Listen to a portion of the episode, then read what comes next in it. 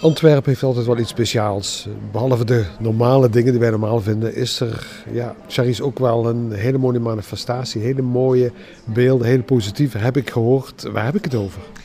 Uh, over de reuzen uh, van Royal Deluxe, die op uh, 19, 20 en 21 juni terug afzakken naar Antwerpen.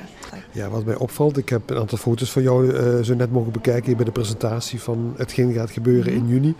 Het is vrolijk, kleurrijk, het ja. straalt iets uit. Ja, brengt ook heel veel mensen op de been. Niet alleen uh, de bewoners, maar iedereen die hier in de stad passeert en die opeens ziet dat er een gigantische reus passeert. Uh, allee, het spreekt echt tot de verbeelding. Het is fantastisch voor kleine kinderen, families, jongeren, oudere mensen. Echt iedereen voelt zich aangesproken, omdat het zo mooi is om te zien. Uh, en de interactie met het publiek is ook heel leuk. Uh, want uh, het is niet zomaar, je, je, je staat erbij en kijkt ernaar.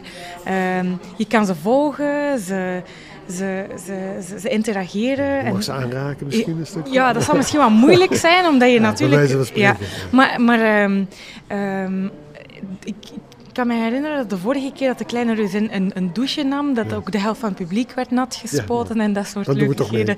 Voilà. Dus uh, nee, nee, het is echt een totaalbeleving uh, voor iedereen.